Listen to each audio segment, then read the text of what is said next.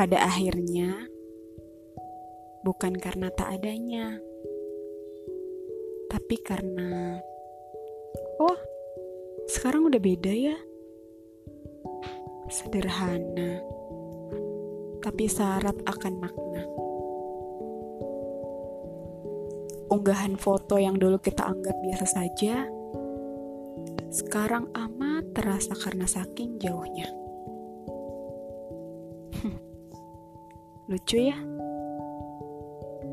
Kadang semesta ada-ada saja. Cara Allah selalu indah menuliskan takdirnya.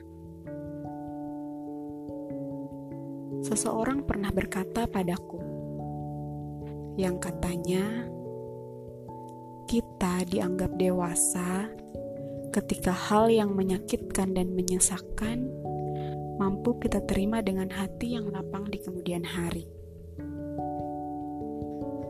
Entah kita mengingatnya dengan tersenyum, tertawa, atau bahkan meneteskan air mata. Namun, bukan karena mengingat sakitnya, tapi dengan bangga sudah melewatinya. Diri, terima kasih. Maaf atas segala hilaf. Semoga selalu mendapat tempat. Rehat